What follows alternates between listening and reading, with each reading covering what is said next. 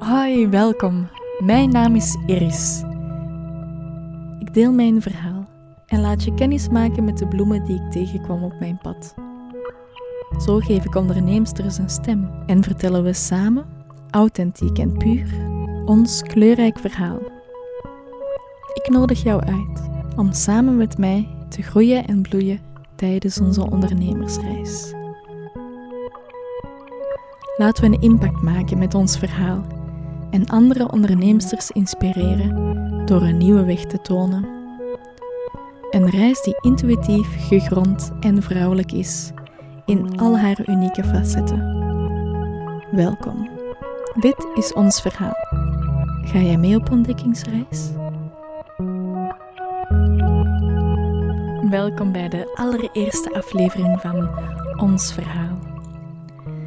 Voordat ik jullie voorstel aan andere inspirerende onderneemsters, is het natuurlijk interessant om ook een beetje meer over mij te weten te komen.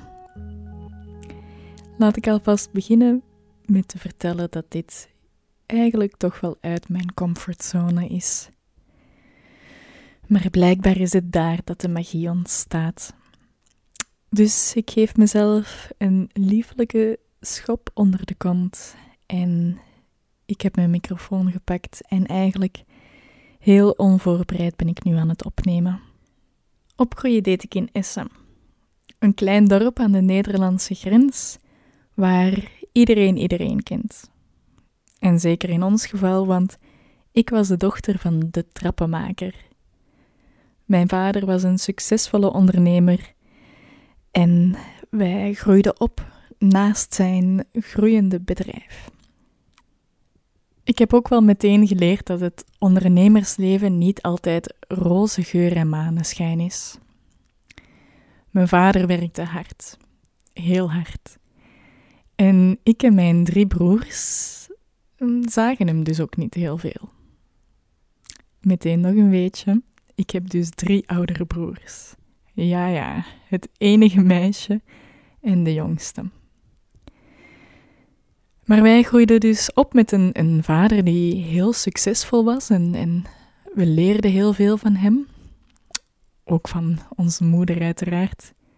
En ik had nooit gedacht dat ik zou kiezen voor het ondernemersleven. Ik denk mijn broers ook niet.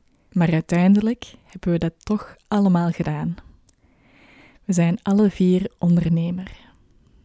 En ik, ben ook een heel, ik heb ook een hele weg afgelegd voor ik uiteindelijk die stap heb gezet. Maar elke stap die ik genomen heb, eh, brengt me wel tot dit punt, tot waar ik nu sta. En misschien begon het allemaal wel in de lagere school al, waar ik in plaats van een sport of instrument koos voor dictie op de muziekschool. Dictie is het mooi leren praten, gedichten voordragen. Ja, ik hoorde dus ook niet echt bij de populairste kindjes op school. Maar wat deed ik het graag? Nog altijd. Ja, ik zeg ook wel eens dat mijn accent er daar is uitgedrild. Want ik heb ehm, zeker een liefde voor Vlaamse dialecten. En ik kan mijn eigen dialect eigenlijk nog amper spreken. Mijn passie voor woordkunst ontwikkelde ik verder op de Kunsthumaniora in Antwerpen, de grote kokenstad. ja, als meisje van, van een klein dorp ging ik dan... Allee, meisje, ja. Hoe oud was, ik toen dan? Dat was het derde middelbaar, dus ja. Jong, jong volwassene. Um, was dat toch wel heel wat eigenlijk, om, om elke dag naar Antwerpen te gaan. Dat was dan met de trein Um, zes uur s morgens opstaan, s'avonds laat thuis, geen woensdagnamiddag.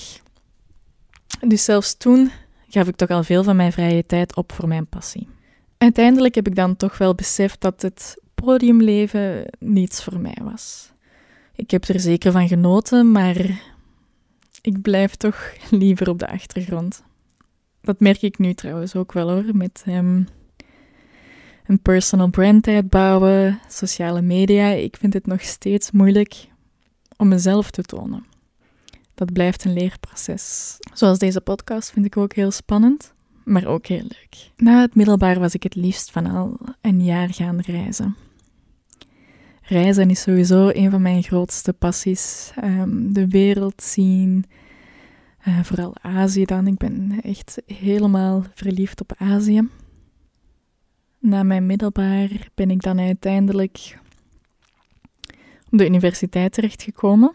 Daar heb ik uh, gedaan, met dan als richting uh, theater, film, literatuurwetenschappen en Frans. Ja, ik vond dat echt wel super interessant. En um, eigenlijk ging het allemaal ook wel goed buiten Frans.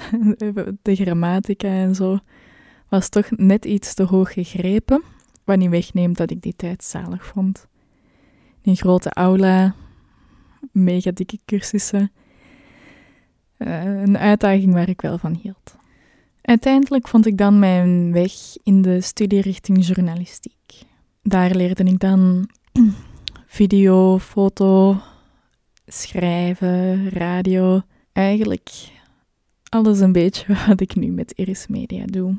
Was dus een juiste keuze, die richting journalistiek. En ook daar gaf ik mijn vrije tijd aan mijn passie. Ik presenteerde vrijwillig bij de studentenradio Stereo 03 in de kelders van het Kafka in Antwerpen. Ja, ik had daar een eigen radioshow elke week die ik samen met een co-host presenteerde.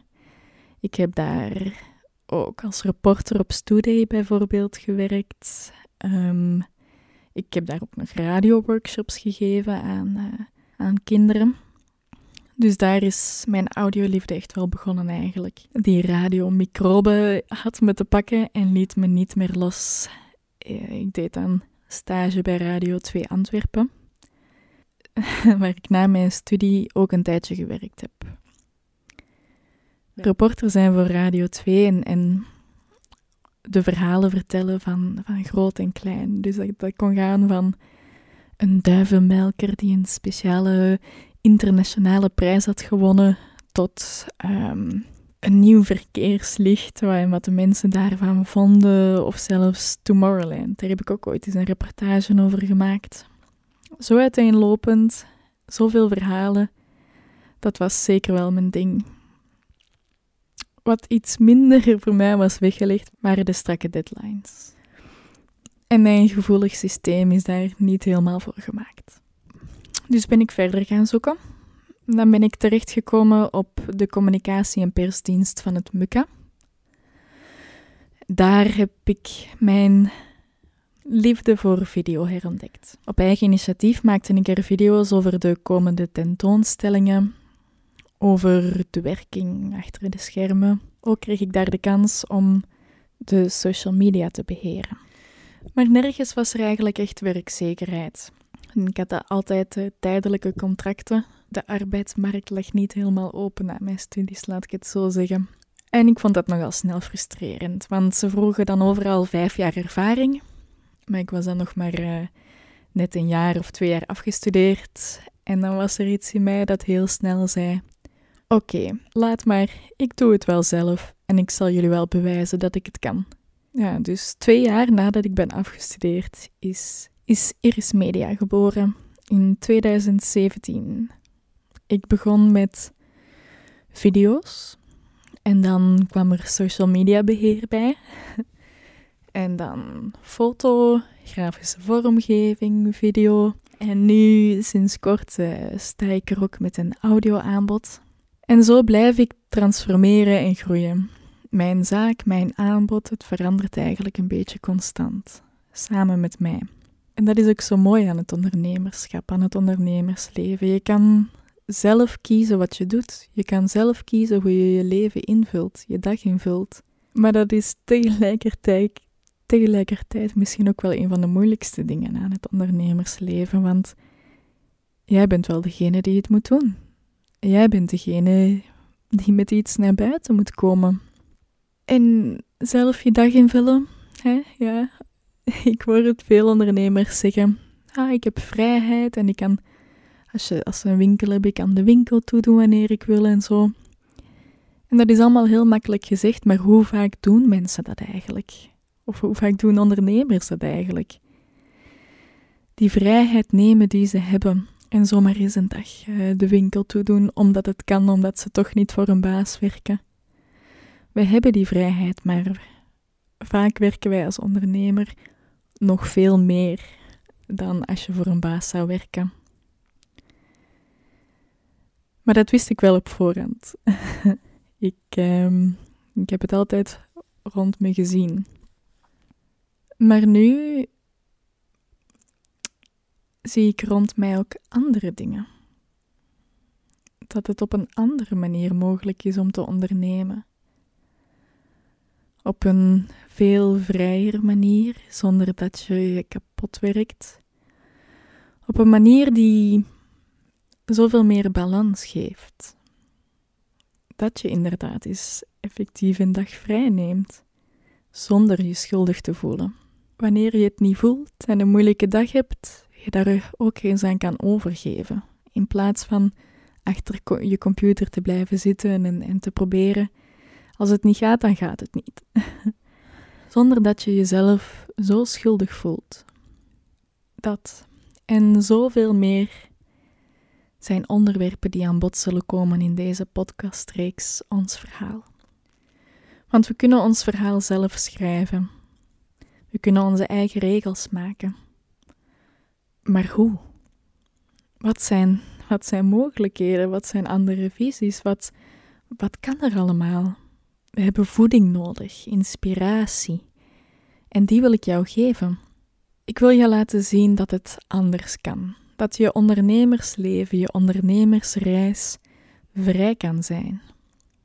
Maar ook dat je wel dingen zal tegenkomen op de weg dat, um, die niet gemakkelijk zijn. Want het ondernemersleven, het ondernemerschap, is zo hard verbonden, vind ik, met persoonlijke ontwikkeling. Want ons bedrijf is, is als ons kind. We steken er al onze liefde in. We steken er zoveel van onszelf in dat het soms misschien zelfs wel moeilijk is om nog een onderscheid te kunnen maken tussen je bedrijf en jijzelf. Of dat heb ik toch al wel eens ervaren. En zo heb ik nog wel meer moeilijkheden ervaren de afgelopen jaren. En ik wil dat jouw reis gemakkelijker mag gaan. Ik wil dat jij minder, minder moeilijkheden moet tegenkomen als ik. Ik wil je meenemen op deze reis en andere onderneemsters hun verhaal laten vertellen. Rondom mij starten vriendinnen hun eigen zaak, uh, al is het in bijberoep of worden ze in bijberoep zelfstandigen. En dan komen ze naar mij voor advies. En dan denk ik vaak van ja, het is niet dat ik mezelf per se een, een super succesvolle zakenvrouw zou noemen, maar ik heb ondertussen al wel wat watertjes doorzwommen. Ik ben al wel wat dingen tegengekomen. Moeilijkheden, maar ook inspirerende vrouwen, inspirerende woorden.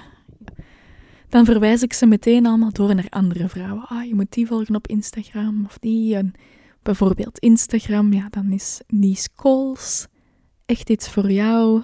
Of Christine Smeijers, uh, als je meer wilt leren over een nieuwe manier van ondernemen. En nu dacht ik, oké, laat ik dit dan ook gewoon met meer mensen en meer onderneemsters delen aan het begin van hun pad. Zodat we samen kunnen groeien en bloeien. Mijn vader noemt mij wel eens zijn bloemetje. Iris, hè, omdat het ook een bloem is. Maar het is een koosnaampje waar ik blij van word. Die ik ook wel voel dat bij mij past. Een bloem. Een bloem is zo mooi. In de lente komen ze naar boven. Uit zoiets klein, een zaadje of een bloembol.